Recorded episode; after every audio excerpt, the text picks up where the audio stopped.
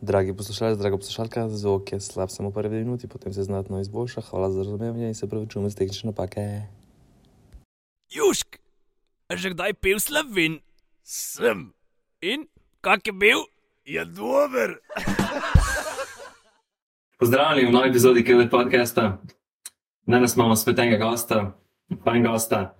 V naši družbi je športni novinar, voditelj, tudi kviza se je lotil. Uh, Preizkusi se je tudi v komentiranju. Um, ampak mislim, da mu najbolj leži ta voditeljski studio. Uh, z nami je Saša Jerkovič, pozdravljen. Zdravo, živeti.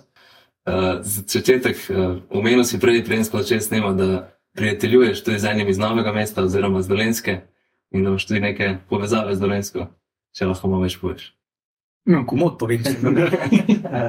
Prvo bi rad povedal, da moje vse povezave z Dolensko so eh, prek eh, ljubezenskih zgodb. ne da. Prva povezava je, da moja bivša žena, smo teh bivših žen veliko, nažalost, ne da, pa nesreča, kaj pa je. Moja bivša žena bila cimra z, z Šentenejčanko in potem sem veliko časa preživel v Šenteneju, v tistih mlajših letih še. Druga zgodba pa bolj zanimiva. Namreč, jaz sem se, v, ki pa izhaja še odprej, namreč jaz sem se v srednji šoli eh, na morju, klasična poletje, ljub, poletna ljubezen, zaljubil v eno Matejo, do šest. In seveda, jaz iz Maribora, ona z novega mesta. To je bilo olava časa nazaj, da zdaj ne bom razlagal, to je bilo brez eh, internetov in podobno. To je bilo preprosto tako, draga Mateja. Danes je petek. Jaz eh, sem šel do povdne v šolo, popoldne na trening, zvečer mislim na te in potem to si potem znamko polizal, poslal, poslal po pošti in potem čakal, da je neko govor, da pač bo. No, in jaz sem se s to Matejo nekaj časa dopisoval, neke vzajemne ljubezni nisem čutil, bila je bolj enostranska, torej moja iz Štajerske na Dolenskem, vračala se ni. In zdaj gremo do bistva. 25 let potem, jaz sem kar nekaj let, dobro desetletje, povezovalec sporto konference v Portorožu. In prvi dan se je vedno zaključeval z, z žurko. In v nekih ranih jutranjih urah na stranišču, na stranišču, zraven mene na pisoarju, reče: Je zdravo, Jerkovič. Smisel, moj bog, spet en težak, zakaj plačuje RTV prispevek po takšni ceni, zakaj nimamo tega, zakaj nimamo onga. In rečem: Zdravo. In on sprve, a ti poznaš Matejo, tudi s primkom. Šit, jaz sem v trenutku malo prebledel, primek mi je znan. Zdaj ne vem, a je to kakšna, ki smo jo pred leti mogoče osvajal, ne vem, pa ni šlo, pa to ljubosumen mož. Ja, zdaj nisem vedel, kaj to je zdaj. Niti nisem se spomnil, kdo, kdo hudiče ta Mateja mi je bilo pa znano, videl sem, da ni prevara. In malo po malo jaz ugotovim, on reče: Veš ti, jaz sem pa njen brat, mlajši brat. In jaz sem bral tvoja pisma, ki so bila še napisana na roko, s penkalom. In meni se je ta zgodba zdela krasna, in sva končala seveda za šankom. In, in tako se je potem zelo zanimivo iz te neke ljubezni izpred ne vem koliko let rodila prijateljska vez z, z njenim bratom, s katerim prijateljujeva še zdaj in še danes sva bila na, na zvezi. Tako da to se mi zdi kakšna krasna zgodba. Sem pa tudi njegovo sestro. Ne vem, koliko let kasneje sem, sem jo srečal, on organiziral srečanje, tako da je bilo, bilo lušno. Ampak ti si se z njo dobil, ali Ne, ne, ne. nikoli? Prej. Niko, niko, ne jaz sem njo spoznal na morju, Ampak potem nikoli več. Potem je pa nisem videl, oziroma videl sem še enkrat, ko bi šel v Ljubljano študirati, zelo na hitro. Tako je bilo to, ja. Lepa zgodba. Je zelo lepa zgodba. Pa imaš zmeri uh, tvoje pisma. Uh, U, to pa nisem vprašal. Najbrž jih ne čuva več, najbrž ne. Verjetno Je že, je že poročena. Brat jih čuva. ja, da. Ja. No, zdaj pa gremo uh, k tvojemu poklicu. malo. Uh, Imáš verjetno en daljših stažov na RTV-ju. Uh, od vseh novinarjev se mi zdi, no, recimo Miša Mok, verjetno te Je prihiti. šla v penzijo, tako da se je končal njen staž. Aha, ok. Pa, moje vprašanje je, začetki, kako si sploh prišel na RTV? Kaj si prej treniral, kakšen šport, da, da si pač vzljubil to novinarstvo ali kako? Mimo grede, malo mi zdaj krivice delate, ker če bi opazili moja široka ramena, ne da. Kaj se pa nasmihaš? Ja, ne vem, jaz se skozi smejim. Imeli smo komentar, da se smejimo hihita. Aha, No, ok. imaš široka ramena, izhajajo iz moje um, um, kratke veslaške kariere. Hm. Kjer je, jaz sem za časa treniranja veslanja osvojil dve bronasti in eno leseno medaljo. Okay. Nekoč sem živel v nekem prepričanju, da bom Perti Karpinen, večkratni uh, olimpijski prvak iz Finske, pa pol to ni šlo. Kje se je pa zalomil? Hiter obupu. Zal, zalomilo se je pri enostavni fiziki, da je pač upor vode pač večji od moči, ki jo vložiš v človeka. Da smo pri široka ramena, pa Ne, ne. No, jaz sem vedno imel rad šport. Tako. Najprej se sem, sem sicer eh, bil prepričan, da bom arhitekt, potem je nekje vmes zagrablo, da bi bil statik, potem sem pa iz nekega čiste človekoljubja, ker šlampas, tako kot sem, bi najbrž v teh izračunih bilo marsikaj narobe, kdo ve, koliko stropov bi se porušilo. Pa če smo že pri širokih ramenih, sem ugotovil, da je moja najmočnejša mišica jezik, pa da je to potem nek poklic, ki, ki ga najlažje upravljam. Da združiš dve stvari. Tako, tako. No in kako si pa pristal na RTV? bolj, na, Čistko- bolj naključno. Enkrat je eno dekle prišlo na predavanje na, na fakulteti za družbene vede, smer novinarstvo, da potrebuje neko delovno silo za pomoč v redakciji pred olimpijskimi igrami, pred prvimi olimpijskimi igrami samostojne televizije. Torej, tudi televizija sama bila podhranjena eh, kadrovsko. In eh, sem se prijavil, in od takrat dalje, takrat dalje sem tam. To je že zelo dolgo, leta 92 sem prestopil prak pred olimpijskimi igrami v Barcelono. Začetek pa je TCS, takrat so bile še kasete, Mhm. to ni bilo, ni bilo serverjev, ni bilo.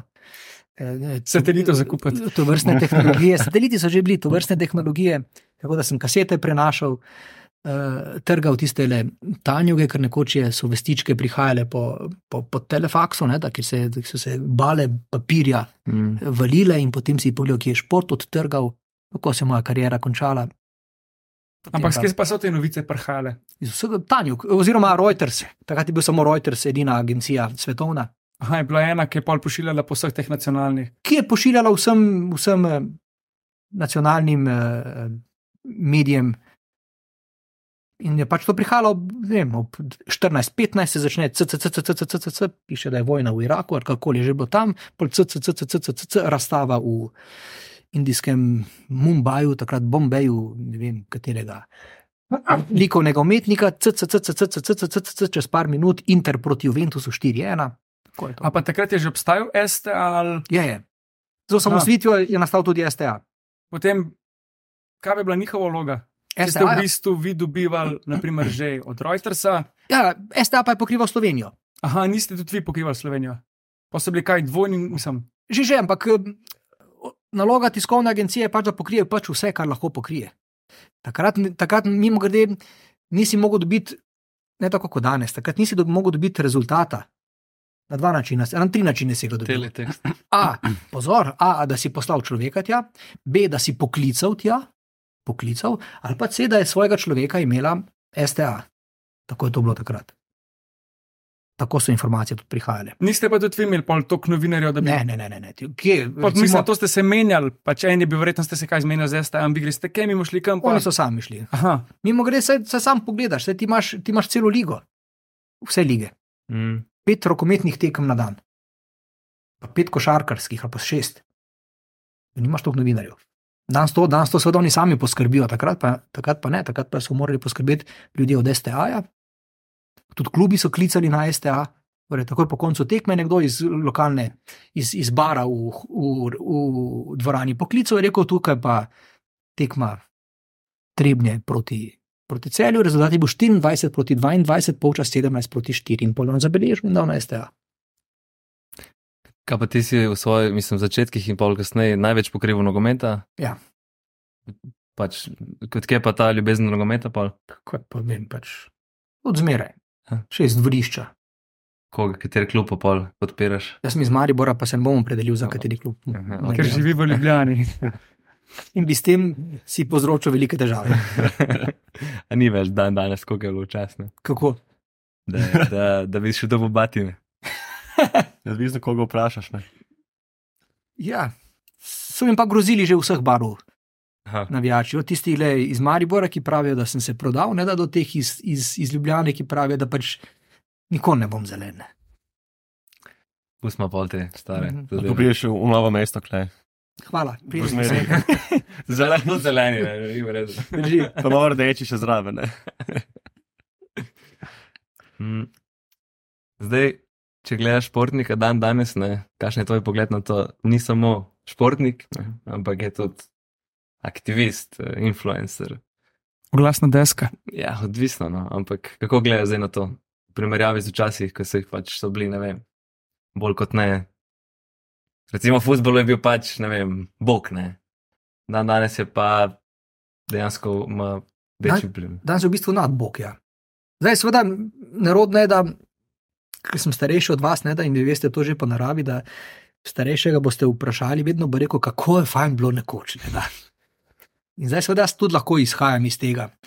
Eh, Danes je, danes je, danes je nemogoče, ti, da ti sploh vidiš v nekem realnem življenju športnika. To ne obstaja. Ti več ne moš na trening iti pogledat realnega športnika.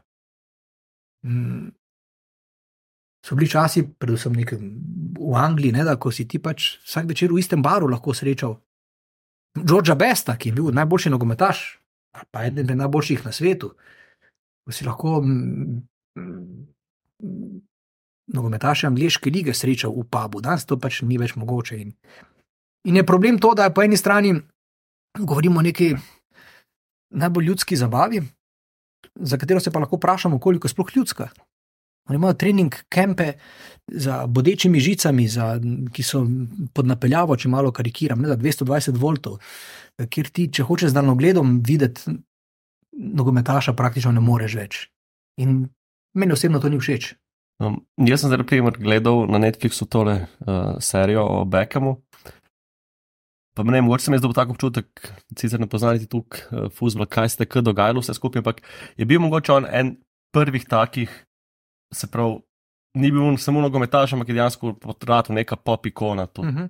Je bil on tako ali, Je bil, bi bil.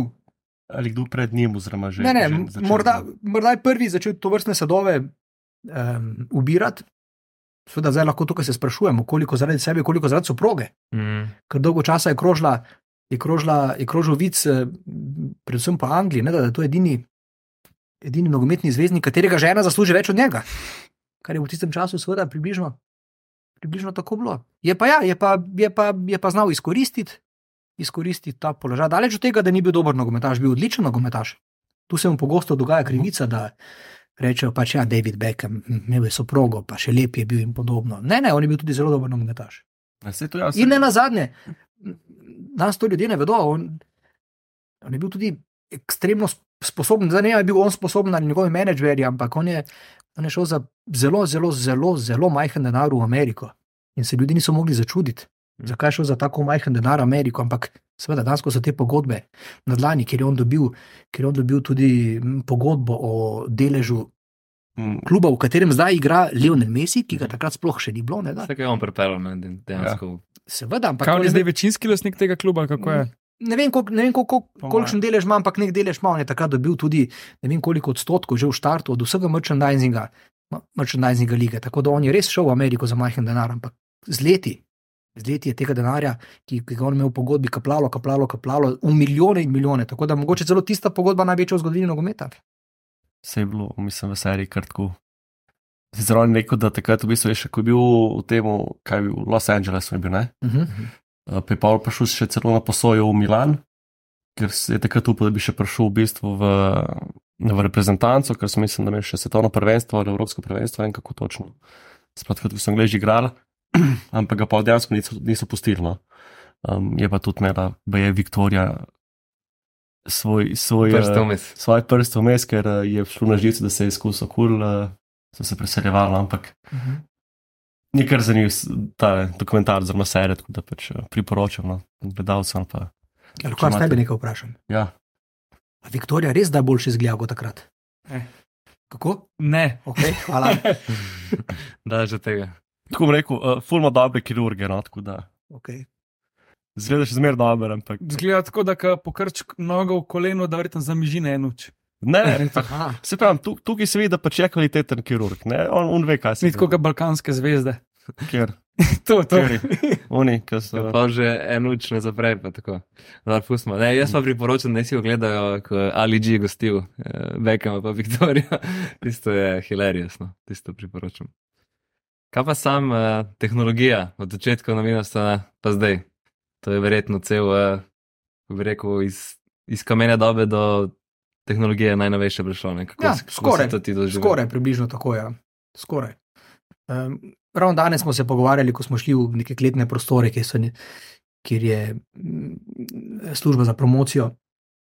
Uh, jaz sem še iz časov, ko se je, ko se je avdio snimal na trak. In ta trak je bil potem na kolutu, ti si šel v nek prostor, on je ta trak navil, si predstavlja ta trak. Mm, Prav trak je bil, trak je navil, ti si to potem prebral, potem ta trak odnesel gor. Če se ti je mudilo v montaži, ti je ta trak padel po tleh, ta tlak se je potem kotalil, ne, da, in potem smo ti tri metre traku navit nazaj gor. Uh, ja, seveda, danes je to vse digitalno, danes je lahko. Takrat si najlažje to pojasnim tako, da takrat si je en trak ali eno kaseto lastil samo en človek. V tistem trenutku noben drug ni mogel tega uporabljati. Torej, samo ti si ga takrat imel in kdo drug si ga je želel, ga ni mogel imeti, ker je fizično bil samo, ker je bil samo eden. Danes je to drugače, danes je en izdelek na, na, na, na, na, na voljo, na voljo kjerkoli in lahko do njega dostopa kdorkoli, kadarkoli, v katerem koli trenutku. Blazno se je spremenilo. Kako pa je bilo, uh, glede na to, da si štajerski, si imel tudi kakšne te um, učenje, izgovorjave in to, ker smo že enega gosta, ki je tudi čez ta proces šel, pa ne zanima še vaša izkušnja. Ja, Ja. tvoja izkušnja, kako je bilo ta. Ja, um, pokojna, pokojna učiteljica jezika na radiju me je, me je, me je učila, se prav spomnim, mislim, da je po moje isto. No. Kaj je bila prva muhiča? najbrž ja, legendarna. Uh, in se prav spomnim, spet je bilo vse na traku, ona pritisne tisle. Tipko za rekorder, jaz berem nek tekst, pf, ki je bil kar zahteven, nek radijski tekst, to je bilo kar brez pike, kar vejc, podpičeni milijon, jaz berem, berem. Ona me posluša, si odvije bombon, ga da usta, tako le prikriža roke, se nasmiha, prekimava se nasmiha, jaz dobivam, seveda, jaz dobivam energijo, jaz berem, berem, berem. Ona se že kar nasmiha, ajda kalanje je bilo ime. A potem, ko preberem do konca, končam s piko, izdihnem v srečen, ona pritisne tipko stop in reče. Kolega, vi ste pa tako simpatični. Čisto vse ste narobe prebrali. Tako je približno moje prvo to srečanje zdaj do Kalani izgledalo, in potem pa drill, drill, drill, drill, drill, drill, drill branje enega istega teksta 135 krat. Zdaj sem pa že kot tok spodoben. V v spominu, jeziku. kakšno napako, ki si jo težko prebrodil. Ne, to gre, gre, gre, gre za široke oje, ki, ki, ki so pri nas na Štajerskem domači, gre za druga naglaševanja, to približno. Mhm, Nič kaj. Ja. Ja. Ne, ni, ni, nič takega, ampak vsak o je ozek ob na Štajerskem. Ne obstaja roka, obstaja roka. Konec. In vsak mi širokih hojev nimamo, praktično. Je tako. Recimo. No, zdaj, če smo bili v preteklosti, zdaj pa kam pa vidiš prihodnost športnega novinarstva? Pojma nimam. Te ne, te, pa te ne zanima. Rajši ne. Ker bo, ne vem, umetna inteligenca, naslednjič boste mogoče čez pet let gostili enega umetnega Jerkoviča, ne vem, z, mo, z mojim glasom in z mojim, z mojim stasom, pa mogoče bo tudi še kaj podobno kot jaz povedal. Nimam pojma, kam bo to šlo. Mogoče pa v tej smeri, da bojo VR um, v bistvu bili na tekmah, sploh ne bojo. Ja, bojo sej, sej to na to merim. Ja. Tako. Sej, sej, če sem prav prebral, na zadnje je že Bruce Willis, ko je bil še koliko priseben, že dal, že dal soglasje k, k temu, da lahko nastopa v enem od naslednjih filmov, čeprav ni več sposoben, bojda niti Mm, v bistvu boš še. svojega prijatelja. Zakova- Poznate Brusa Willisa? Ja, ja, ja. nismo tukaj mladi. poznam, poznam. Ja, no, Zdaj, kam je neki, ali kam je. spra- sprašujem zato, ker je zadnjič moj kolega v službi neke mlade sile, eh, ko so rekli, da je lahko tudi moški brez las eh, seksi. Ne, da, in on Da. je rekel, ja, tako kot Bruce Willis, in so rekli, kdo? Ja, zato sprašujem. Ne. Zdaj neki, eh, kaj je neki, Alzheimer ali kam ima Ja. neko Demenca, hudo. demenco. Um, Čakaj, kaj sem hotel vprašati? Ja, VR, dejansko, da bi ti recimo bil, eh, ne vem, na kamero od enega, pa bi bil ti dejansko noter v tekmi, pa bi se spremenil poglede, recimo. No. Kaj je ta z- Namreč gotovo bo novinarstvo šlo v tej smeri, da, bo pač, eh, da bodo tudi ne, sami nogometaši, o ozvočeni o, z, z kamerami, tudi da se bo pač videl njihov pogled. To, bo, to sem se pripričan. kaj v NBA so že zdaj ozvočeni, zmeri, mislim, vsaki čenel, kako je. Tako. In najbrž bo tega bistveno več, boš ti, boš ti lahko, sam imaš tudi že zdaj, recimo v formuli, če izgubiš ta paket, lahko preklaplaš med nekaterimi kamerami. Jaz Pripričan, da boš lahko zelo kmalo bil tudi ne več Messi, ki bo šel v penzion, ampak kdo drug boš pogledal, kako on vidi tekmo. Strobi so pa škoda, da je že sam svoj režiser. Da? Prej. Uh -huh. Vse, ki ni bilo tudi celo v, na evropskem zadnjem. Na svetovnem zadnjem. Si bi se lahko že Iz, izbiral pogled kamere, imel si več kamer in si lahko pa izbral, katero boš gledal. Pa se ti zdi, glede na to, da si toliko časa v tem športu, da je v tem času zgubil nek šport, ta privo, pri, uh, prvotni pomen, da da da šel preveč v neke ekstreme. In kar se tiče nekih športnikov, da so pač zmeri više, hitreje, močneje, da pač so sami športi rata zmeri bolj ekstremni, pa da je tudi se vsa ta fama okoli športa, da ni več sam šport, ampak da je pač zmeri več sam denar. Ja. Sploh ne bom še kaj več odgovoriti, ampak saj, zakaj, se, vam zdi, se vam zdi, da je šport eh, izjema v tem? Vse posod Ne, tako. ne. vse posod se želi več. Ko boš enkrat zaslužil prvega Jurija, si hočeš dva, ko boš dva, boš štiri. Pač, nažalost nas to pač žene, žene. Pa te žene to, kaj naprej. mot, mislim, pogrešaš tiste čase, ko tega ni bilo, ali pa si čist sprejel, pač ko je, mislim, itek si mogel sprejeti, se ni druge, ampak bi raj videl, da je bilo tako, kot je bilo, ali ti, ti je čisto v redu zdaj. Jaz sem še par let nazaj rekel, da, ni, da ni, ne obstaja na svetu človek, ki je vreden 100 milijonov evrov. Da se sploh ne pogovarjamo, da, že- da se Ne, pogovarjamo že o ne, višjih ne. cifrah. Tako da ja, se strinjam s tem. In tudi ne vem, zakaj bi nekdo. eh, Nima gre, imaš, imaš dres Jaromira Jagra, ne da? Problem, ja, vse je zelo lepo in prav, ampak s tem dresom je nekdo zaslužil. In teh dresov prodajo na svetu, Jagrovih, mogoče niti ne gre. Ronaldo, recimo. Ja. Tako da smo spet pri tem, zakaj pa bi nekdo toliko zaslužen in zakaj bi bil toliko vreden. A ni bilo čas lepš, kot je en. Ampak zdaj bo, zdaj bo se za socialista Ne, ne, ne, ne, ne, ne. Ja, jaz se to strinjam, da ni bil čas lepš, kot je en model fuzbaler šel v gostilno, spil deset tem perov, razlagam. da si skadil dve škuti oči, ko je pa sle na hetrik zabil. Ali Danes pa reveč, danes pa reveč, niti nosu ne sme pomoliti, ker ga bodo eni ujeli z telefonom, posneli in bo že imel štalo. Ali doma, ali pa v klubu. To je bil en full hud posnetek. Spiš v najboljšem hotelu, voziš najboljši avto, imaš najdraže kopačke, najboljšo okroglo žogo. Pa pa 20 metrov pred golom fališ gol, ker se je navijač pizdil na enega od tekmovalcev. No. Kako pač vse res poskrbijo za njih, no. da jim je pač res slušen. Na tega sem se na, na, navezati, na Nikina, mati Nikina skakalce. On se je tako napil, da sploh ni vedel, da je zmagal na koncu. Skakalci so posebne sorte, ne, to so. Ja, pa res, da to, da to je nekoč še bilo mogoče, danes več ni. Danes, Ja. danes se, se vsak gram šteje pri vrhunskem športu, kaj šele. Jaz vem, da ko, je, ko sem bral biografijo um, Erika Kantonaja, ki je, mm. -hmm. ki je igral v Manchesteru, je rekel, da je on prišel na prvi trening iz Obli in jih je bilo pet. Potem se pa pripeljal taksi, ne da, in odprl vrata in je ven padel, ne vem, pijan Tony Adams, direkt z žura. Direkt žura in pol prišel drug taksi in se še dva padla ven, se je zlila. In bilo to takrat v 90-ih letih v Manchesteru, in je bilo še to vendarle. Eh, eh, to ni, da si bil pri, sem- pri, pri Arsenalu na robe, sem rekel, ampak eh, to je bilo v tistih časih. Pa so bili v bistvu No- boljši te, da so lahko vse to skupaj handlali. Ne, ampak to je dosti boljša igra, ne. Ja, danes ne bi preživel. Danes je, Ja. Mislim, Ja. drugačne igre. No. je hitrejše vse, pač. Ja, so se. Mislim, se 1,5 spite, po mojem. Tako. Mm. Sam se pa tudi več nekih nesreč hujših, pa tudi še več umre na tekmi, kot je Ja, včasih. seveda, vse na- napor je toliko večji. Ja, pač. seveda, vse je na bistveno večjem na večjem Sodobni gladiatorji so, telesnem kaj. limitu. Ja. Kaj pa glede dopinga v športu? Imaš ti kakšno tako idejo, kako bi se tega rešil? Vse dovoljeno. Pa, pa, Ja, to je ena naša Ja, teorija, da bi pač vse dovolil Ja. in pač pol je na te, pa ne pol ni več izgovorov. Ja, dokler ti ne pol ekipe ne, Ja. ne crkne v 20 minutah zaradi harda teka. To je pač isto, to isto kot da jaz tebi rečem, da pol kokain pa heroin v Merkator na drugo polico. Super, ko pa tvoja hči šla, pa kupla, kaj bo potem rekel? Je, da sem jaz zajebil tukaj, ker pa če nisem prav vzgojil. A samo to boš rekel. Kaj pa bi lahko, mislim, v vsakem primeru lahko pride do kokaina ali pa heroina, v vsakem primeru. Ni res, v, v Merkatorju pri- ga V pride- Ljubljani, v Merkatorju ne, pride pa za Merkatorjem do tega. Ne, ampak moraš nek, moraš nek napor narediti za to, ne, da moraš, ne, moraš ja, Ja, malo ja. več poguma. Ampak če Tako pa, si- tako pa greš in vzameš to eno na blagajni, poskeniraš in rečeš 14,45 A pol, če, ne, če bi bilo pa manj alkohola, če ne bi bil alkohol tako v trgovini dostopen, kaj bi bilo manj alkoholizma. Če bi ga bilo manj alkohola. Če bi bilo manj, dejansko pač ja, če bi ne bil tako dostopen na trgovino. Vse je bila, saj je bila, že- saj je bila že prohibicija, pa ni bilo nič manj alkohola, še več ga je bilo. Torej, mogoče Bi bilo bi- manj dejansko tega, če bi Nisem prepričan.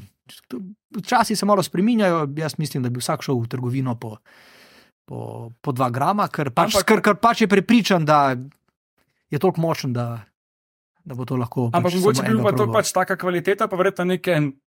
Bilo bi bolj, ker bi bilo zaravan, boljša kvaliteta. Pa če bi bila neka priporočila, uh Mhm. -huh. se ti greš tudi lahko v lekarno, pa vzameš vem, celo škatlico Pa tablet. še, drž, pa še država bi lepo to obdavčila in fajn zaslužila, ne da? Ja, Super. Vsi zmagamo.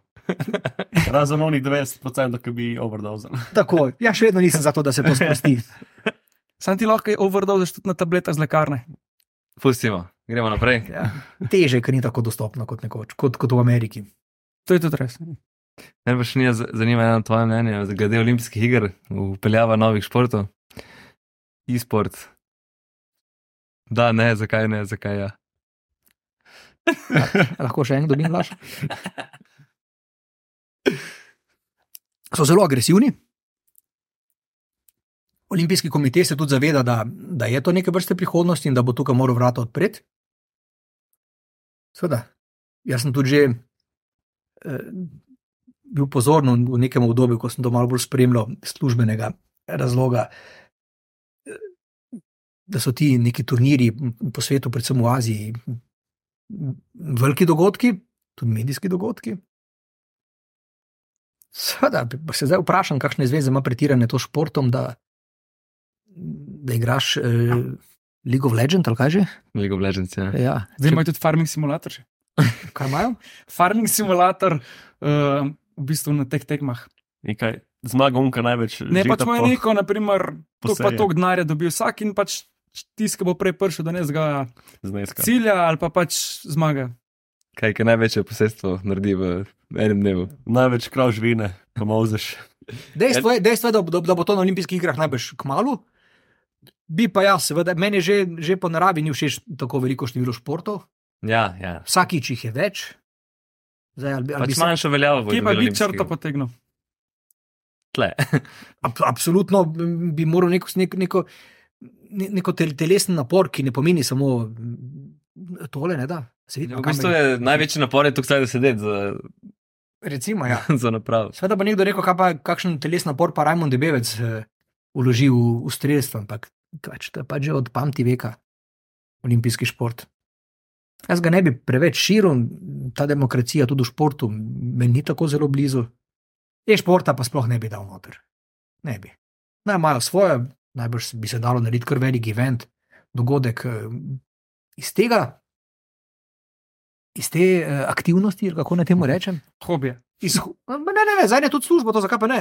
Iz te aktivnosti nam imajo paralelne igre, imajo X-Games, karkoli že. A vi ste igračari, hudi? Ne. Dobro. V bistvu, glih prej smo se pogovarjali, ker smo bili sami malo, malo v igrah. Um, ampak tako. Kaj Ne, pa- veste, zdaj se strinjam s teboj, sem tako zanimiv. Hvala. Ja, ne, pa čas, ej.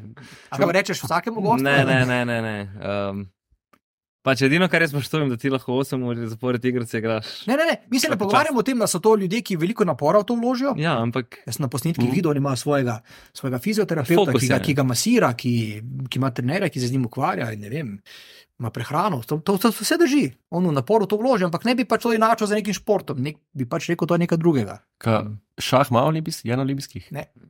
Kaj pa ples? Kje, kje se potegne bistveno, črta? bistveno prej bi za ples. Ampak kje se potegne črta, kaj je športni ples? Pa, da, mislim, da je Kaj, ples šport, pa kdaj je umetnost. Tako. bistveno prej bi ga, ne bi do športa vzel, ne da. Bi ga prej vzel kot pa.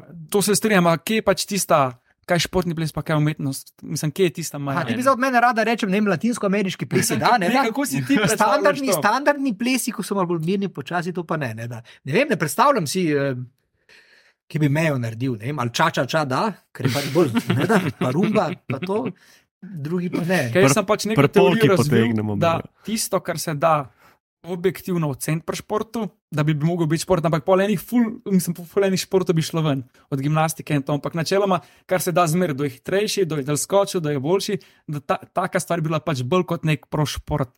Ampak ampak- gimnastika se tudi da lepo oceniti. Ampak je spet neko subjektivno mnenje, spet Ni. ocenjevalca. Ni, ti imaš, ti, imaš, ti imaš vse, ti se ve, ve se. Če so Če so Elementi so kaj. Tako, če je noga povsem iztegnjena, je, na pamet govorim, ne, da to je izhodišče 10 nič. Če, v, če jih v kolenih pokrči ja. za 15%, je 9,25. Če niso špičke med celim obratom, ne, da vse čas je 9,15. Če pri doskoku poskočiš pol koraka, je 9,07, če pa cel korak, če pa nariši spadni korak, pa je 8,75. Tako to se vse da. Ampak je pač, a se tudi pri gimnastiki briše najviše, pa na. Kaj pri skokih, kaj pa če sem včasih skoke treniral in polk sem se to pogovarjal z mojo punco. Je tudi rekla, da sem pol skoki ne bi smel biti šport. Sem rekel, ja, sem od petih ocen gre statistika, pač najbolj odstopata ven. In če tako pogledamo, tiste, tisti trije, ki nekako so približno isto videli. Zdaj, kako je pri gimnastika, isto najvišjo, pa najnižjo, ali se vse sešteva? Na Kako koncu se po- pojavijo cene, da moram priznati, da tudi sem imel dobro vprašanje. Ne vem, ali je to zdaj, ali se to sešteje, ali se, se zbrišete najvišja, pa najnižja, ampak Ker, naprimer, tudi če je 100 ocenjevalcev, ja. pa da je en gimnastičar, jaz mislim, da bi bilo z jih 40 drug, različnih ocen. Vsaj. Zdaj, te, iz, tega vidika pač, da je neka, do neke mere tudi Ne, subjektivno mnenje so, ocenjevanja. to so te sodniki v gimnastiki že 30 let in tu so minimalne razlike. Vedno smo pri tem, da je ocena, da vsak, tako kot so sodniki, je ocena lahko subjektivna. Ampak, ampak prosti. meter je pa meter. Ampak saj jih imaš, tudi- marsikje imaš v drugih športih tudi sodnike, ki so pač tudi na večjih Ja. ja. mestih postavljeni. Ro, pa- rokomet, recimo. To Ja. je za moje pojme Tudi, lahko to ja. vpliva na igro, da. Ampak, ko pa teče na 100 metrov, ko Ja, pač ja, no, pa sej. je pa čist objektiven rezultat. Vse tudi žoga mora iti čez črto, pa še dokler ni bilo video tehnologije, si bil odvisen od tega, da Ja. on dvigne zastavce ali pa ni. Mogoče pa tukaj tehnologija, tvoja umetna, AI čez čas naredila v teh športih. ker so Itek se bojo rodili novi športi, itek se bojo zbrisali stari. Ti si ruski, sem nekaj videl. Je kombinacija ragbija pa košarke na trampolinu. In Pač, Na začetku še v redu, opraviš trampolin. ja, Všeč mi je bilo, da Pa reče, da gimnastika ni za Ja. olimpijske. Ja, ne, pač tam je doda koš. Ampak ni pač pravile, tako že dosti uh, sumovor, nisem roko borba in to. Pa tudi drugi te slab competition, ki so, ki se v bistvu Aha, ko se tepajo. kloftajo, tako. Ampak to je izmerljivo. Zmrljivo, tisti, ki prvi dol pade Če, pa, če, če ostaneš na nogah, si pač dobil. Vedno pa jim prvi dol Tako pade. ja. To je isto merljivo. Je pa, eh, imaš enega svetovnega športnika, kater ti, ti, je, ti je tak eh, pri srcu ali pa da si odraščal ob njemu, da si, si ga zapomnil. Zdaj bi pa rekel, da ti pa pištolo nameramo v glavo. Kdo je najboljši športnik vseh časov? Martin Strel. Oh, The goat. To so, to so, to so tako. Kje pa ripada? Ja, vse to je A subjektivno. ste, a ste videli na zadnje tole uh, anketo v Srbiji, a je, katera rakija je prava? A je to šljiva, a je to loza, a je to dunja? Ja. In pol na koncu odgovori so različni, na koncu pa en reče, to je tako, kot vprašate, svoje, kateri, katerega od treh otrok imate najrajše. Tako da tudi to, mislim, kateri največji športnik, seveda vsak odrašča. Jaz sem odraščal vem, ob Maradoni. In pač seveda je to bil pač car. In seveda pa ne morem Maradone primerjati, marsikdo bo rekel, z, z, z Michaelom Phelpsom.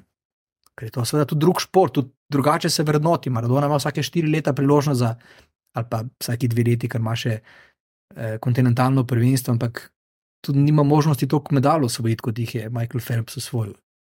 Ki pač plava več disciplin, ja. ima tudi reprezentanco, ki ga na to najprej posamično, potem še z reprezentanco. Težko je, težko je to vrednotiti. Sem pa imel to čas, da sem imel naredil tudi en intervju z Michaelom Phelpsom. To mi je prosim pač temu nek, nek tudi svoj vrhunc ali pa nek tugor v karieri, čeprav je pač povedal štiri floskole, ampak nič hudega. Pa je res ima tako ful velike roke, pa noge. Za njimi se. Uh, Ja, pa plavalno koščcama. Res? Sem bil pozoren, seveda, mislim, da vsi to predstavljamo, da je to zdaj takšna noga, ne da pa takšna roka, ampak na, ko sem nas bulo dol, ni bilo nič posebnega. Mogoče ima malo večjo nogo, ni pa to zdaj, ni pa to tako dramatično, da bi, da bi izstopalo. Kaj košarka tudi kaj spremljaš? Da. Mislim, Pre, NBA. pre, prepelič se je preselil v Ljubljano. Ljubljana. nekaj zdaj le, mislim, je ful smešen, kako uh, tega le Jokiča, se, mislim, hecajo, kako on jemlje NBA kot neko službo, ne tako, ker vsi ostali, ko je bil zanč na, na treningu, je na telefonu, vsi pač tam neki trenirajo, ampak nekaj gleda, pa ga vprašaj, kaj gledaš. Pa nam nove konje, kaj bom kupil. Da on dejansko jemlje to kot šiht, ne pač kot.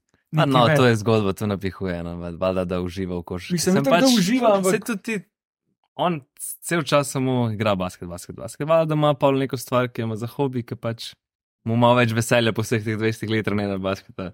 daje v tem. Kaj pa je on igral tudi na, takrat, ko je dobil prst, ampak je rekel, da ne bi šel, mislim, da ne bo šel kena. Na proslavo. Pa jaz mislim, da on glumi v smislu. Da Je je nekaj, posebenega, je nekaj noben je tak, in tudi lahko igra na to karto. Ni zdaj, da mu je vse, da je dač od tega. Bi pa še nekaj tukaj jaz povedal. Sveda, ob tem vsem zanosu in ob vsem tem nekem, predvsem kar se Amerike tiče, ne NBA, ne da te mašineriji, ki, ki nam slika to romantično sliko, ne da Pa hype, hype, hype pod vseh skozi. tako in vsi so vedno nasmejani, pa dobri. Jaz se lahko pohvalim, da sem sigurno med, med redkimi, ne bom rekel na svetu, ampak med redkimi, ki upravljam svojo sansko službo. Delam to, kar delam, delam z veseljem. Ampak to ne pomeni, da grem vsak dan nasmejan, to ne pomeni, da mi gre, ne, ne gre se sme preklinjati tukaj, Se- da mi gre na kurac, ko, ko, ko, ko, se, ko se v soboto lepo najem doma, ne da pa spijem glas vina, pa moram biti, pa moram iti v službo dober večer voščiti. Sveda mi gre na kurac. In zato tudi, zakaj pa ne bi, se tudi on gre v službo. On tudi, on tudi gre v službo, zakaj pa ne bi? In je bilo zelo zanimivo, spet se vračam na futbol. Pred desetletji so Angliji, ne spomnim se točno, ne vem, svetovnem prvenstvu izgubili. In, in takoj, ko so šli na avtobus, so začeli igrati karte. In seveda so jih tole paparaci eh, posneli. In seveda zdaj je to cel halo, kako se, le, veste, izgubili, nacija je razočarana. Zamotili ste se hodili, že tako so se slabo počutili. Nekaj. Mimo grede upravljajo svojo službo, zakaj pa zdaj, če bi on, samo malo, če bi vsi tako dramatično imeli neuspeh, potem bi, bile, potem bi morali vsak dan sezidati štiri psihiatrične bolnice za te športnike. Zakaj pa on ne more imeti tega le kot službo? Sveda, da ne bom rekel, da je šel zdaj v roko v to tekmo, pa je izgubil, ok, izgubil, ampak on zgubi na, na leto 25 tekem, tudi tako kot zgubi, a kaj pa zdaj v travmi, ali na tabletah, nekateri so. Ampak zakaj ne bi tega imel tudi kot službe, tudi kot službe, ki jo rad upravljam? Ne, se strinjam. Mislim, meni je bilo všeč, da so ga predstavili, mislim, da je on tak pač človeški. Dejansko pač ni nekdo, ki je skozi vse super fajn, kot si sam. Ja. Ja. Meni je ta njegov način všeč, tak, ki je. Nisem hotel nič, da je pač kaj posebenega. Ker če ne bi pol se mogel za vsega, ki je zajebel, kjerkoli službi tako spraviti. Tako? Verjetno je marsikaj še mu tudi, mislim, zdravniku, ki še umre, pa, O, seveda, pa teh ni tako lepo po televiziji. temu zdravniških, pa temu je zdravniških zmot ni malo, tudi tragičnih, ampak eno je zmota, eno je malomarnost, ampak o zmotah običajno ne slišimo. Ker je zmota. Ja, se zgodi, se če delaš, grešiš. Ja. Ja. Gremo še kakšni bolj uh, lepši temi. No. Zdaj je Slovenija, ne? uh, imamo dobro možnost, da se spet uvrstimo na en večji dogodek. No. Tako da jaz apeliram, da gremo mi naslednje let, če uspemo v Nemčijo, ker to se ne zgodi pogosto. Da, Ste že vprašali Habenzi Zimmerfrei? ja, ja, jaz še ne bom uh, slavil uh, dneva pred nočjo, kako bi rekel. Tako da uh, treba še zmagati, ne? vsaj eno tekmo. Vseeno. Tako da, uh, mnenje reprezentanci, jaz mislim, da Češko je, ko bi rekel, dobršen del tega, da imaš enega tazga, ki je pač sposoben dati gol, ki ga nismo imeli zdaj, po moje, že ne, od Novakoviča. Si ti šporarje opazil ali nisi? Ni. Ni. Sem, sem, ampak Ni, ko, za kol golov Šeška je šporar podal? ok. Ampak po Aj, sami, ne, pa smo okej, ja. ok, ok, ampak o, moje mnenje o sami kvaliteti je, mogoče je pa sem špora zdaj dozreval, kaj ne vem. Ja, je. Hočem samo reči, da mi vidimo samo Šeška, to pa da, da je šporar priboril penal za Šeška, ne da, da mu je dvakrat podal za gol, to pa mi malo da. ma- Pač cela ekipa pač malo, dobro malo spregledamo. Ja, ja, biol, jaka biol, zame popuca praktično vse. Je pa ja, Šeško je car, se strinjam. Ja. Jaz bi samo hotel povedati, da Ni za vse sam. ja, Ja, ekipa je, ok, dobro. pač- Ekipni šport je. Hočem povedati, ekipni da, da če imaš enega tazga v reprezentanci, ok, ne bom zdaj primerjal z Dončičem, ampak če imaš enega tazga kvalitetnega, je cel mi smo imeli Dončiča, pa nismo nič naredili. Dobro, to je pa zdaj spet, to je pa zdaj spet drug razlog, no, ampak ne. Kaj, Ja, probil. karton je pozno v noč, ne. Ja. Kar spival, ja. Ja. Tako da ja, Nemčijo vidimo se, ali kako ne reči. Pa šporar bom navil zad. Jo, dej, zdaj sem že jinxal, zdaj ne bo spet nič. Ne, sem pa Jinxu takrat gol eh, v Južni Afriki. Ki so ga dali. a si bil tam? Ne, bil sem uh, v bloku na, pred televizijo, sem ga jinxnil, ker sem rekel, zelo bo gol in bi bil gol. To imam v spominu, no, tako da sem grenek spomin. Kako se pa ti spominjaš te uh, Južne Afrike? Takrat si tudi nekaj še komentiral, če se spomnim. Jaz sem Ne? samo studio delal. Kdaj pa si komentiral ti sploh, tešno tekmo? Moja zadnja, moj Pred zadnji prenos je bil leta 2000 finale olimpijskih iger v futbalu, Aha, Sydney 2000, Kamerun, Španija, penali. Potem pa dolgo nič do, do otvoritvene slovesnosti, če lahko to štejem kot neposredni prenos, otvoritvena in zaključna slovesnost potem v, v Tokiu. To so moji neposredni prenosi. Imel sem 10 plus 2, 12 neposrednih prenosov v karieri. in zakaj si se odločil, da prenehaš? Si ugotovil, da si druge boljši ali pač? Šef je ugotovil, da, da si gledalci za naročnino zaslužijo kaj boljšega. Kar mu dam, seveda, prav. Pa nisem se dobro počutil, noben nikoli, v nobenem trenutku mi to ni bilo, nisem se fajn počutil. No.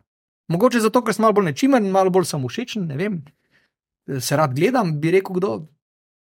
Da najbrž nekaj tega, sigurno je, raje to počnem pred kamero kot na takšen način. No, potem pa najraje počneš to, kar počneš, pokrivaš večje športne dogodke v studiu. Pa imam neko oddaje, recimo v olimpijske, to, to, to mogoče celo na- najraje delam, da imamo v olimpijskih igrah oddajo, še posebej, ker so olimpijske igre tak, za, tudi za me, tako kot za vsakega športnika, plafon.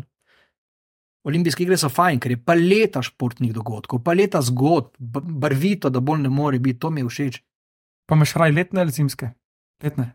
Seveda. Kaj imaš na zimskih, tri, štiri športe, pa še to so vsi v kapah, pa v čeladah. A ne da. Tam imaš pa vse, tam imaš pa v taki uniformi, v drugačni uniformi, sabljači, streljači, v kimonih, v atleti, atletinje, odbojkarice v tistih krasnih. Eh, Odbojkari tudi. mil, aha, na milki je krasno vse, ne, tako da A pa zdaj, ko smo že pri teh sabljačih, a to bi tudi rekel, da je še šport. sabljaš to pa je, seveda se je veliko je gibanja. pa tam, zakaj zgodovina.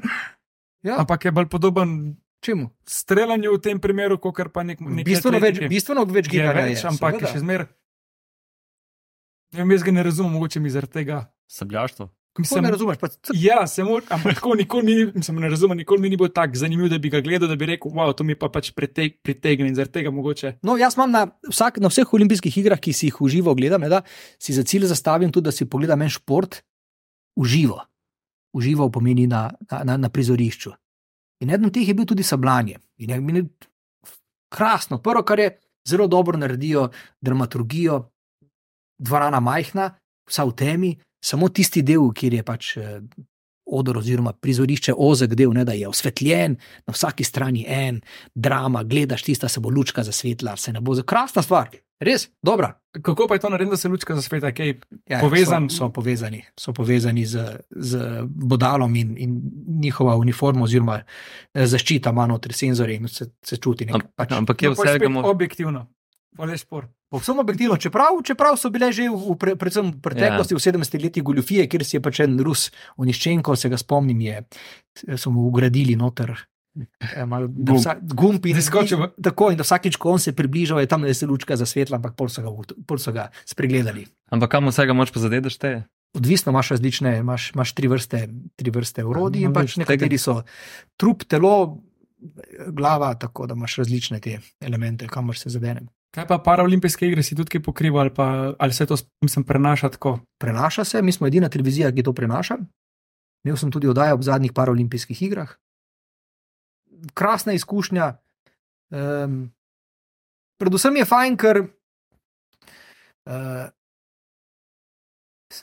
v nasprotju z nekim našim pričakovanjem, vse, česar si oni ne želijo, je, da jih, da jih preprosto, um, da ne sočustvujemo z njimi ker tudi sebe tako ne dojemajo, ampak da se, da se, da se o njih pogovarjaš kot o navadnih športnikih.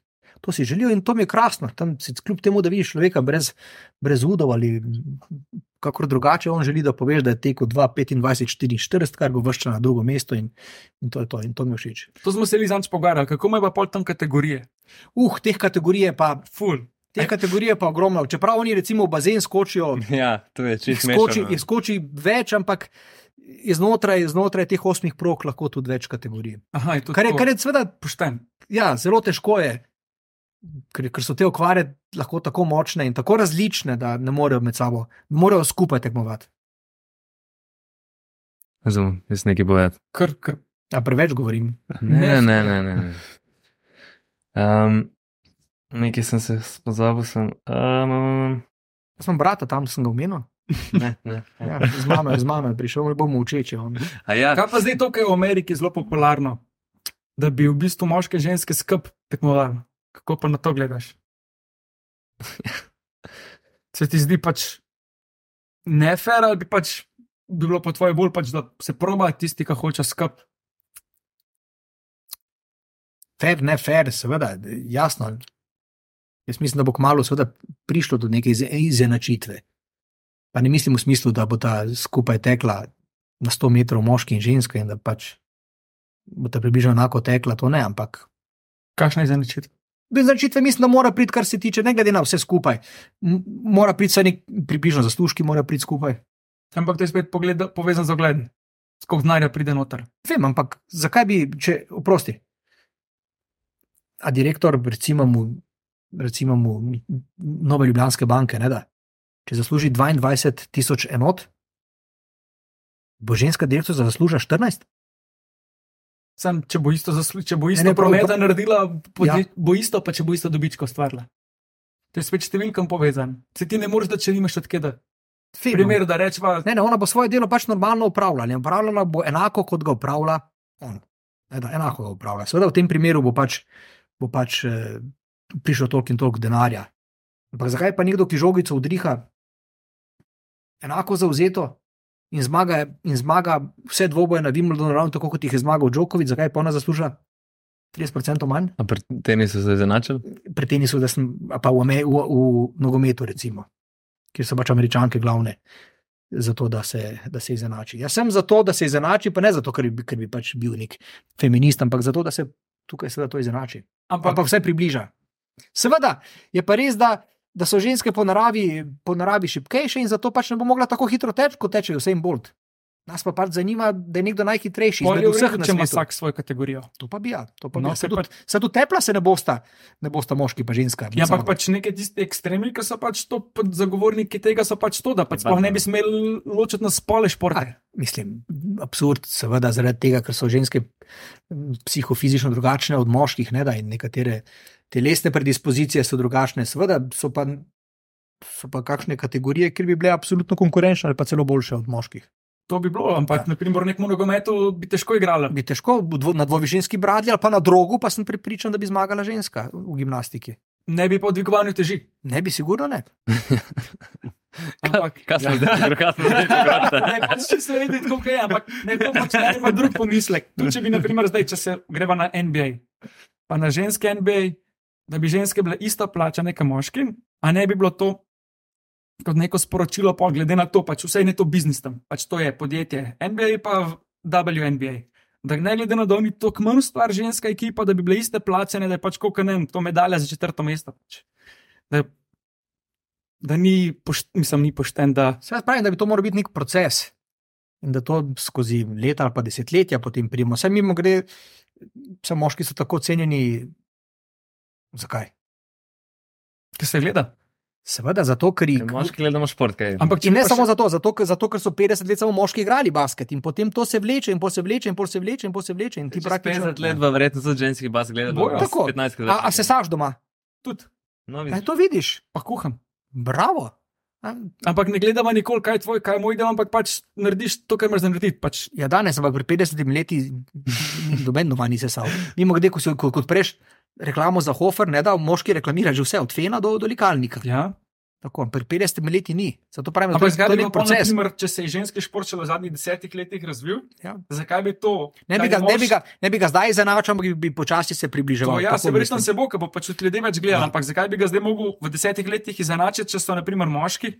To v 50 letih naredi. Pa sem najbolj proti tem, pač, da se ločuje, ampak tako iz čist objektivnih nekih razlogov, neke statistike. Zakaj bi pač to naredil? Ne bi bilo to pa privilegij za njih v tem pogledu. Sem ti spet moj, če klej gledaš, če ti nekomu omogoča, da ima večjo plačo, spravo lahko on tudi več svojega časa uh, vloži v trenerje. ne. Spravo, če neka, recimo, nogometašica ne rabi poleg svojega futbola zraven še dela, da lahko preživi, ampak da bi dosti znara, da pač preživi samo s futbolom. Bo tudi njen nivo zrastel in bo tudi dejansko celotne lige ali pa ekipe zrastel in bo pač avtomatsko vse bolj gledan in bo bolj zanimiv za marketing. V bistvu je pač Pa bi mogli biti to investicija v, ženske, v ženski šport. Lahko tako rečemo Ja, tudi. kukar v futbol, sej pač. Ja, Ampak v osnovi, če gledava zdaj spet na nekih takih objektivnih, a bi šla tvoja gleda zdaj, če bi uh, imela Olimpija žensko Ja. ekipo, ki bi tako bi šla gledati. Ja, Naprimer, ker moja Ja. ne bi šla tako, kot jaz ne grem moški gledati. Sem, pač, veš, Pa bi si res kupila. pač moja bi, ja, pač, kaj, Pač je moja, moja, je, ne, moja je vzgojena pač na ta način, da pač bi šla gledati vse športe, recimo. Ne? Ampak pač spet, tu je tako, pač dviguješ celo zavest ne? in, pač, in marketing vse. Zdaj je A veš, kaj tukaj je pol tudi ful drugi, v drugih športih imaš, gledaj, kakšne druge športe, ki nikoli ne bojo, naprimer, tudi če bojo najboljši zaslužili, da bojo živeli. Poglej, smučarske skoke. Ajde, Ja. ja. pač mogoče, če boš ti 3-4 sezone vsako tekmo zmagal, boš lahko od tega živel. Ampak, da priješ ti do tega nivoja, te morajo eni podpirati finančno, tako kot pač so spet te otroci, ki so iz premožnejših družin bolj privilegirani, da lažje pridejo do, te, do tega. Pa bi mogli že tem pomagati. Tako v vseh športih. Pa se se posod isto. Se jaz ne morem golfa začeti igrati, če pač nimam premožni. Ok, dan dan. Pa boš lahko vse nekdo lažje- mlad pride, da ga financira. Zmota, la, laže iti igrati Ke smučanje. golf, pa tenis ali pa smučanje. Cenejše. Golf, Slab golf- primer že. Ja, zapomni si, malo pogled, kakšna je cena. Ok, tenis je res drag. Tenis je res, tenis je pač, če nisi ti top, sploh ne moreš več, če nisi top. Ok, pojdi smučati v Švico. Pa že samo Ja, oprema je pač- Pojdi smučati v Švico, pa ne na kakav, prosim te lepo, ker boš obožal. Na pet sploh ne pomislim na pet sploh ne pomislim. ne. Ki hujka na trajektu na Hrvaškem. No, da gremo naprej. Zdaj bom pa še vprašal, v vsej svoji karieri Slovenci smo doživeli veliko športnih uspehov, ob katerem si bil najbolj ganjen, da si ga zihri ben. Kjer bi si te tetoviral tako na hrbe, čez cel. Moj? Bog, jaz sem govk, niti dlak nimam. Tega pa sploh se ne bi tetoviral, nič. Eh, Recimo, ne vem, Sonja ali pa karkoli, da me na, na rob pameti ne pade, pa ne poznam nobene Sonje. Uh, jaz se spomnim, spomnim se seveda uvrstitve slovenske reprezentance nogometne na, na Evropsko prvenstvo, spomnim se takrat ob igrišču, sem imel intervju z Srečkom Katancem, ki je 13. novembra voščil srečen Božič in veselo novo leto Slovencem. Tako da to je en od dogodkov. Pa to, kar rekel, un, da ga bo kupil, pač šmarno. A to, bilo, to je bilo kasneje, tudi tam si bil, seveda. To je tudi en nepozaben dogodek, ki ga pa ne bi dal v to kategorijo, ker je bil bolj žalosten. Uh, bil, sem, bil sem ob golu, uh, ob golu v Romuniji, tako da to še en dogodek, ki se ga spomnim. Pa če sem čisto odkrit, potočil sem tudi solzo skupaj z Rajmondom Debelcem na uh, uživo na prizorišču, ko je osvojil zlato olimpijsko medaljo.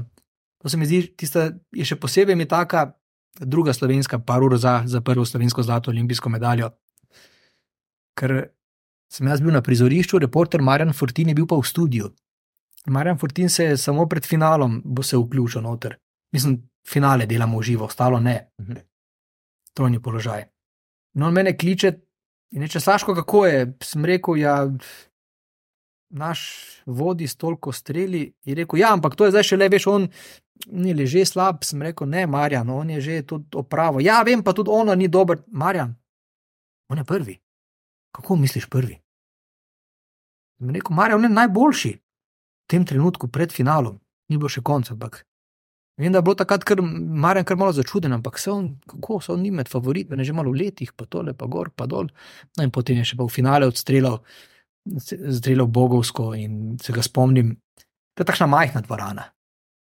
Iz tih finale je, na finalu je samo osem, streljcev ali šest, mislim, osem, pardon.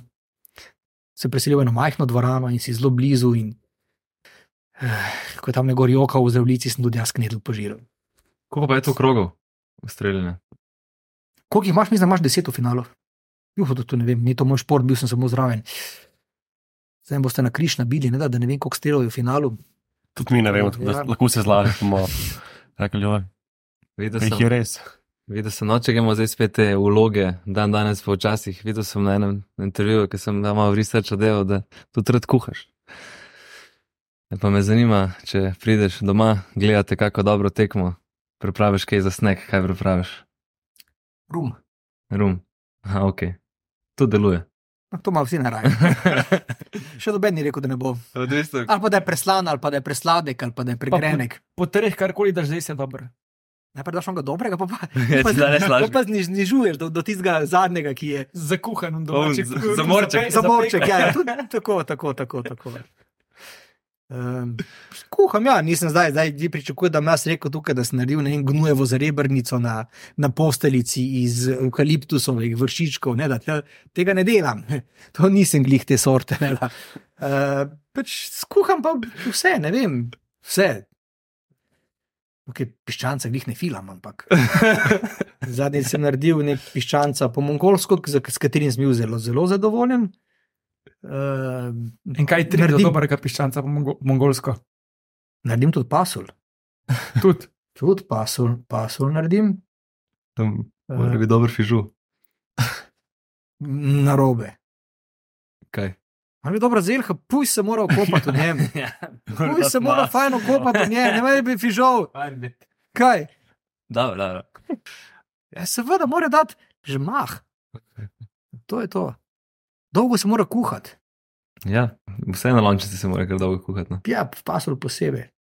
E, kako? Za tam uh, piščanc po mongolsko, kaj, kaj recept, da dobro uspe? To, je, to moraš pač na, na visoki vročini hiter, da se pač ne sušim. E, dober recept, ki sem ga našel, je ta, da, da meso e, najprej pomariniraš v kar malo e, e, škroba, koruznega in beljakom. Se to malo prepojim, potem še dodaš po desetih minutah, še malo škroba, ali pa po pol ure. Na robe smehom, po pol ure, še malo škroba. In potem to na, na, na ognju v bistvu stvreš, ne, na, ne, ne, ne, ne, na, ne, Ja, ja pač v ne, voku. ne popečeš, ja, v, v večji količini tudi olja, tako da nastane takšna skorica okoli. To mislim, da je nek.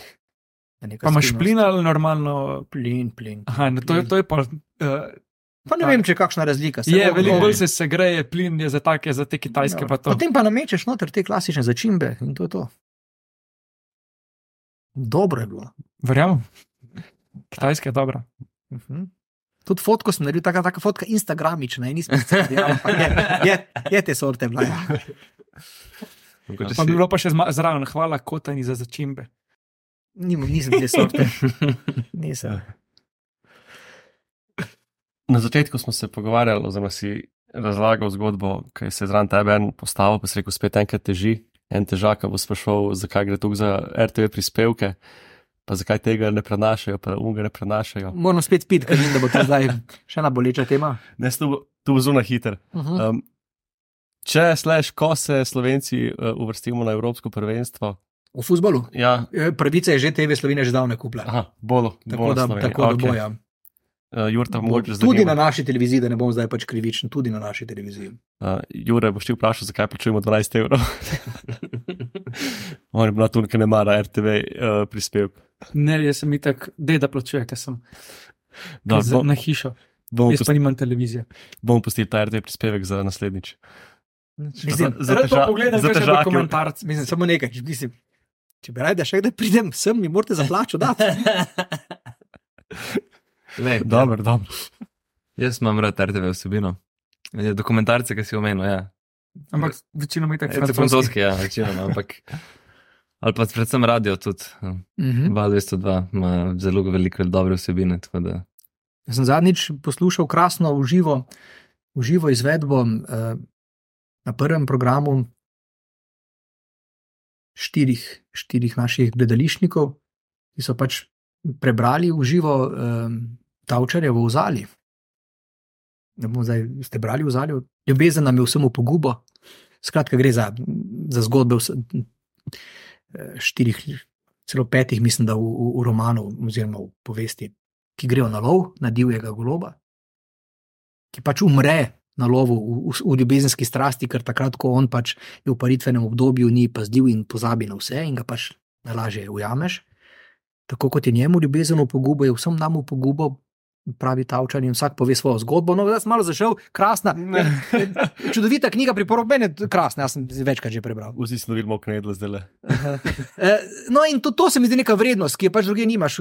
Štiri gledališčniki v živo berejo in tako doživeto, da, da poslušaš pri radiju, kot, kot, bi ti, kot bi ti Tavčar bral v tistem trenutku. To- je RTV, pa ljudje tega ne vedo. no, zdaj, že. Mimo grede, RTV je edini, ki ima za gluhe in za slepe program, oziroma torej, ki, ki ga lahko spremljajo. Pa to najbrž ne veste, ne da? Na tretjem je to največ, ne? Ne, ne, ne, ne, ne. Govorimo, govorimo da, so, da, pač, da imamo mi veliko vsebin, tudi ki so. Ki so Na radiju zihrni za Ne, jaz sem govoril na televizijo, sem mislil. prvo kot prvo, Ja. ve, skoraj da vsi, večina programov je podnapisanih. Mhm. Torej, ti pač izbereš na teletekstu, ne vem točno na kateri strani. In ko tipkaš tole, je čisto vse, kar se na našem programu pojavi, je podnapisano. Tudi razen uživo nogometnih tekem, ker jih je pač ne mogoče. Pa mostove hidak imate. Tega, tega že dolgo ni zadnji drugačen, drugačen naslov. Drugače. Kar je pa po zakonu potrebno tudi za mašino skrbeti na nacionalni televiziji. Kdo pa, kdo pa dela teletekst? Posebna, posebno uredništvo. So bile že debate, če se to skenslalo, ne, veliko, verjetno veliko krat. Veliko krat, ampak ne boste verjeli. Jaz imam cel kup mojih prijateljev, ki ima aplikacijo, teletekst, neko je bela cesta. Že Ja, aplikacija proti temu. ja. Tu moram fotor pokazati. Tako, ljudje, nekateri, predvsem starejši, še vedno grejo gor in Je kar pogledajo. vemo na pamet, 500 je to, Tako. 200 je je- jaz, ko se s fotorom pogovarjam o futbolu, pa ja, kako je pa že vna tekma. Pa ni očak, bom pogledal. Pa se stegne na mizo, ker pač ima daljinski telefon, se ga pogledal telefon, ne, on se stegne za daljinski, pa ga teletekst. Ja. Ti se že na telefonu pogledal. Tudi znotraj, znotraj samega multimedijskega centra je bila večkrat ta debata, ampak so dobili toliko nekih odzivov, da to še vedno med ljudmi dokaj Pa so, imate neke številke, koliko ljudi to še. Ja, zdaj nimam pogleda v to, ampak najbrž imajo. Nostalgični, no- nostalgični občutek, ko so one barve, vse iste, vse v njih kvadratkih. Zdaj mi ne smemo ne, nečesa tukaj le zdaj zanemariti. Ja, vi ste mladi fanti, ne, ampak Ja, mi, imamo predvsem, mi, imamo, Ja. mi imamo predvsem starejše občinstvo, oziroma, ki, ki pa je zraslo z, s teletekstom, ki ni, ki ni domače z vsemi temi. In ki plačujejo RTV prispevek, kot tvoj dedek. ne. Recimo, ja, kot tvoj dedek. Jaz si pa delam ogl- oglede na YouTubu, ko poslušamo petek zvečer na YouTubu, to pa delamo, dajemo oglede. Okay, To je tudi nekaj, tudi to je nekaj. Ja. Dobro, To to se bi. polko se sporočil, sporočen že, ne še. Zaročen. zaročen, srečna ona. Res sem. Polko boste šel v skupno gospodinstvo, Vse sva že v skupnem, ampak pa boš, ko boš šla na svoje. ko boste šel na svoje, pomisli na gosta podcasta, ki je v Ja, neč ne. Jaz bom počasi zaključil, ampak preden zaključimo, imamo za vsakega gosta eno tako simbolično darilce. Jaz ne pijem. Ja, Saj bo, nič. bo pa bratne. Hvala lepa, fanti. Fajn je bilo, da sem vas že malo tudi pogledal, tako da dobro delate.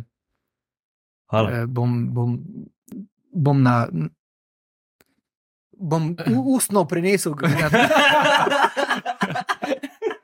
Zdaj, uh, Ne, ne, bom tudi na nekih državnih omrežjih malo, malo pošeral, kot se ti bo reče. Drač, če bo že mogoče iskal uh, svoje stansko delo kot uh, RTV-vec, športni RTV-vec. On je že izdelan kader. Ja, srkunate obrde. Lah- Lahko v tem hokejskem dresu smo malo, eh, malo smo podhranjeni, kar se hokeja tiče, tako da dobrodošel. Bosta stareten skupaj. A? Recimo, Stare je tudi vabljen, ga bo prišel. A se- vi veste, da je Andrej Stare rešil življenje enemu nogometašu?